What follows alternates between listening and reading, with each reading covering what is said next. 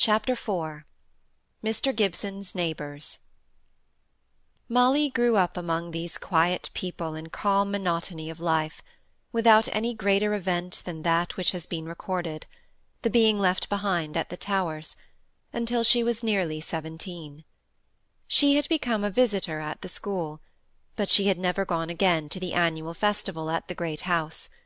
It was easy to find some excuse for keeping away, and the recollection of that day was not a pleasant one on the whole, though she often thought how much she should like to see the gardens again. Lady Agnes was married; there was only Lady Harriet remaining at home. Lord Hollingford, the eldest son, had lost his wife, and was a good deal more at the Towers since he had become a widower. He was a tall, ungainly man, considered to be as proud as his mother the Countess, but in fact he was only shy, and slow at making commonplace speeches. He did not know what to say to people whose daily habits and interests were not the same as his. He would have been very thankful for a handbook of small talk, and would have learnt off his sentences with good-humoured diligence. He often envied the fluency of his garrulous father, who delighted in talking to everybody, and was perfectly unconscious of the incoherence of his conversation. But owing to his constitutional reserve and shyness, Lord Hollingford was not a popular man, although his kindness of heart was very great, his simplicity of character extreme, and his scientific acquirements considerable enough to entitle him to much reputation in the European republic of learned men. In this respect Hollingford was proud of him. The inhabitants knew that the great, grave, clumsy heir to its fealty was highly esteemed for his wisdom, and that he had made one or two discoveries, though in what direction they were not quite sure. But it was safe to point him out to strangers visiting the little town as "That's Lord Hollingford, the famous Lord Hollingford, you know. You must have heard of him. He is so scientific." If the strangers knew his name, they also knew his claims to fame; if they did not, ten to one but they would make as if they did, and so conceal not only their own ignorance, but that of their companions, as to the exact nature of the sources of his reputation. He was left a widower with two or three boys. They were at a public school, so that their companionship could make the house in which he had passed his married life but little of a home to him and he consequently spent much of his time at the Towers, where his mother was proud of him and his father very fond, but ever so little afraid of him. His friends were always welcomed by Lord and Lady Cumnor; the former indeed was in the habit of welcoming everybody everywhere, but it was a proof of Lady Cumnor's real affection for her distinguished son that she allowed him to ask what she called all sorts of people to the Towers all sorts of people meant really those who were distinguished for science and learning, without regard to rank; and it must be confessed, without much regard to polished manners likewise. Mr. Hall, Mr. Gibson's predecessor, had always been received with friendly condescension by my lady, who had found him established as the family medical man when first she came to the Towers on her marriage; but she never thought of interfering with his custom of taking his meals if he needed refreshment, in the housekeeper's room; not with the housekeeper, bien entendu. The comfortable, clever, stout, and red-faced doctor would very much have preferred this, even if he had had the choice given him, which he never had, of taking his snack, as he called it, with my lord and my lady, in the grand dining-room.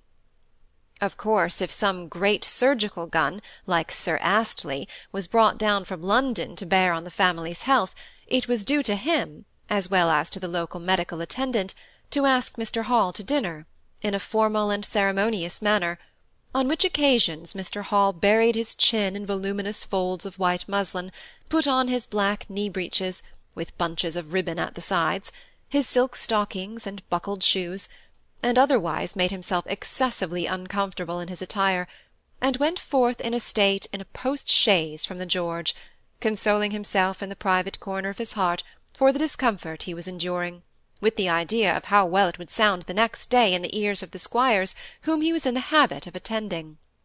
Yesterday at dinner the Earl said, or the Countess remarked, or I was surprised to hear when I was dining at the Towers yesterday.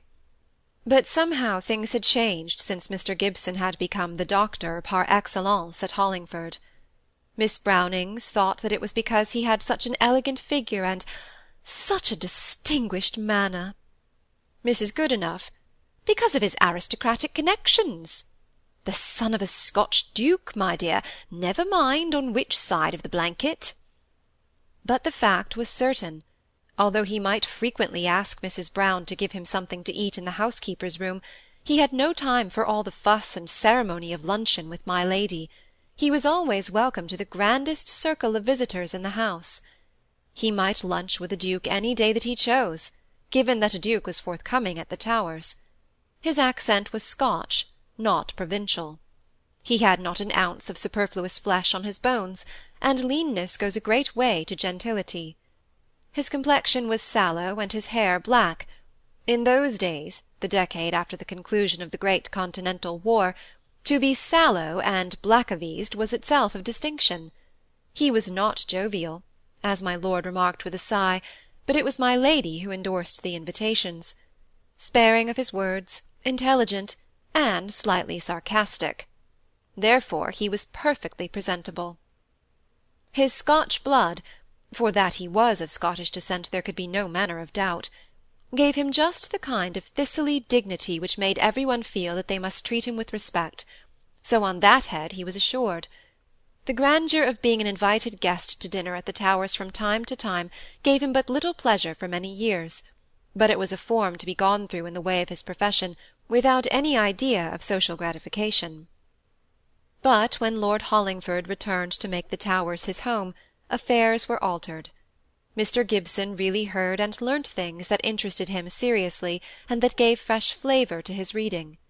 From time to time he met the leaders of the scientific world, odd-looking, simple-hearted men, very much in earnest about their own particular subjects, and not having much to say on any other.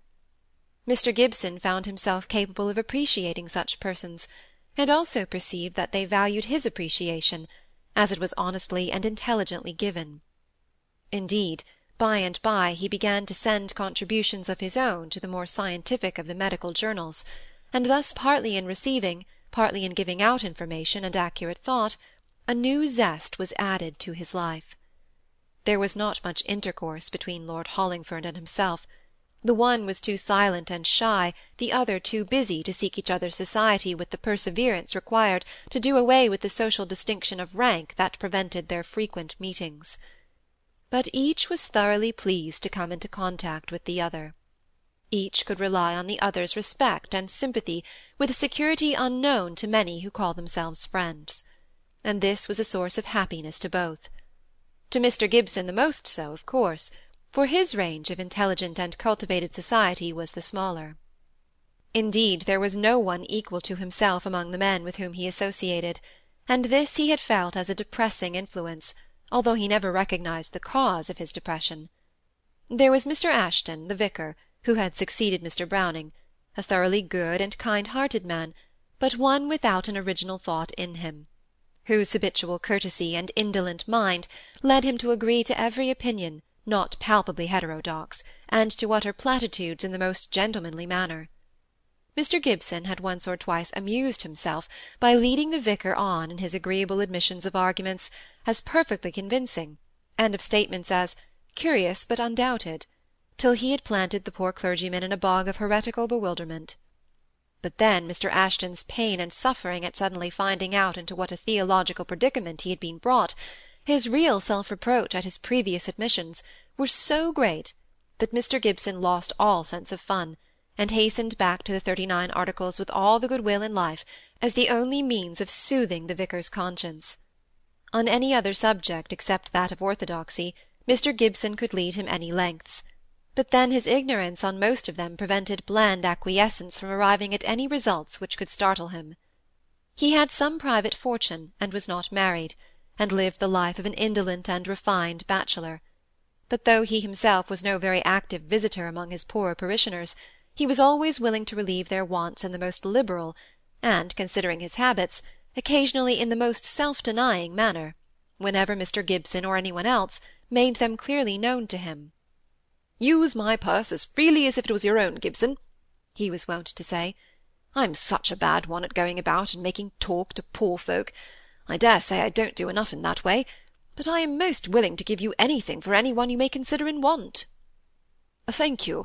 I come upon you pretty often, I believe, and make very little scruple about it. But if you'll allow me to suggest, it is that you shouldn't try to make talk when you go into the cottages, but just talk.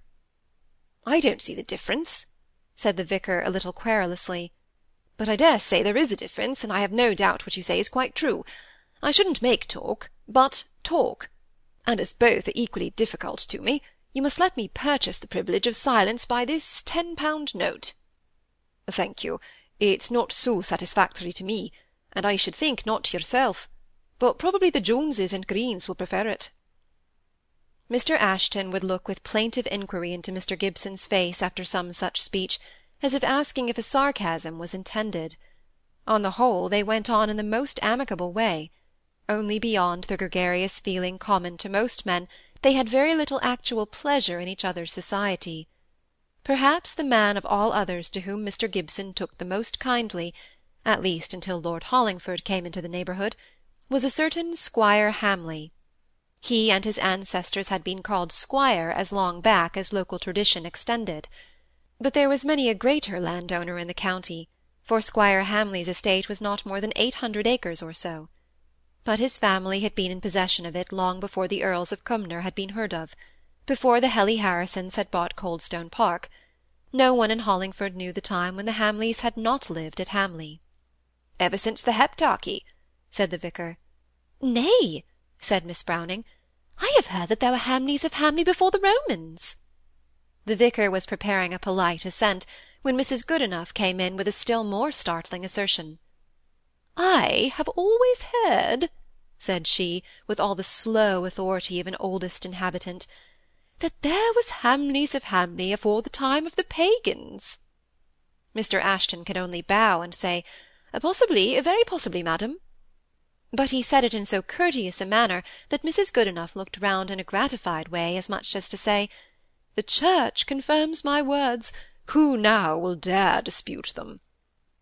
At any rate, the Hamleys were a very old family, if not aborigines. They had not increased their estate for centuries; they had held their own, if even with an effort, and had not sold a rood of it for the last hundred years or so. But they were not an adventurous race. They never traded, or speculated, or tried agricultural improvements of any kind. They had no capital in any bank, nor, what perhaps would have been more in character, hoards of gold in any stocking. Their mode of life was simple, and more like that of yeomen than squires. Indeed, Squire Hamley, by continuing the primitive manners and customs of his forefathers, the squires of the eighteenth century, did live more as a yeoman, when such a class existed, than as a squire of this generation. There was a dignity in his quiet conservatism that gained him an immense amount of respect both from high and low, and he might have visited at every house in the county had he so chosen. But he was very indifferent to the charms of society, and perhaps this was owing to the fact that the squire, Roger Hamley, who at present lived and reigned at Hamley, had not received so good an education as he ought to have done. His father, Squire Stephen, had been plucked at Oxford, and with stubborn pride he had refused to go up again. Nay, more, he had sworn a great oath, as men did in those days, that none of his children to come should ever know either university by becoming a member of it. He had only one child, the present squire, and he was brought up according to his father's word. He was sent to a petty provincial school, where he saw much that he hated, and then turned loose upon the estate as its heir. Such a bringing up did not do him all the harm that might have been anticipated. He was imperfectly educated and ignorant on many points, but he was aware of his deficiency, and regretted it in theory. He was awkward and ungainly in society, and so kept out of it as much as possible; and he was obstinate, violent-tempered, and dictatorial in his own immediate circle. On the other side, he was generous and true as steel, the very soul of honour, in fact. He had so much natural shrewdness that his conversation was always worth listening to, although he was apt to start by assuming entirely false premises, which he considered as incontrovertible as if they had been mathematically proved; but given the correctness of his premises, Nobody could bring more natural wit and sense to bear upon the arguments based upon them.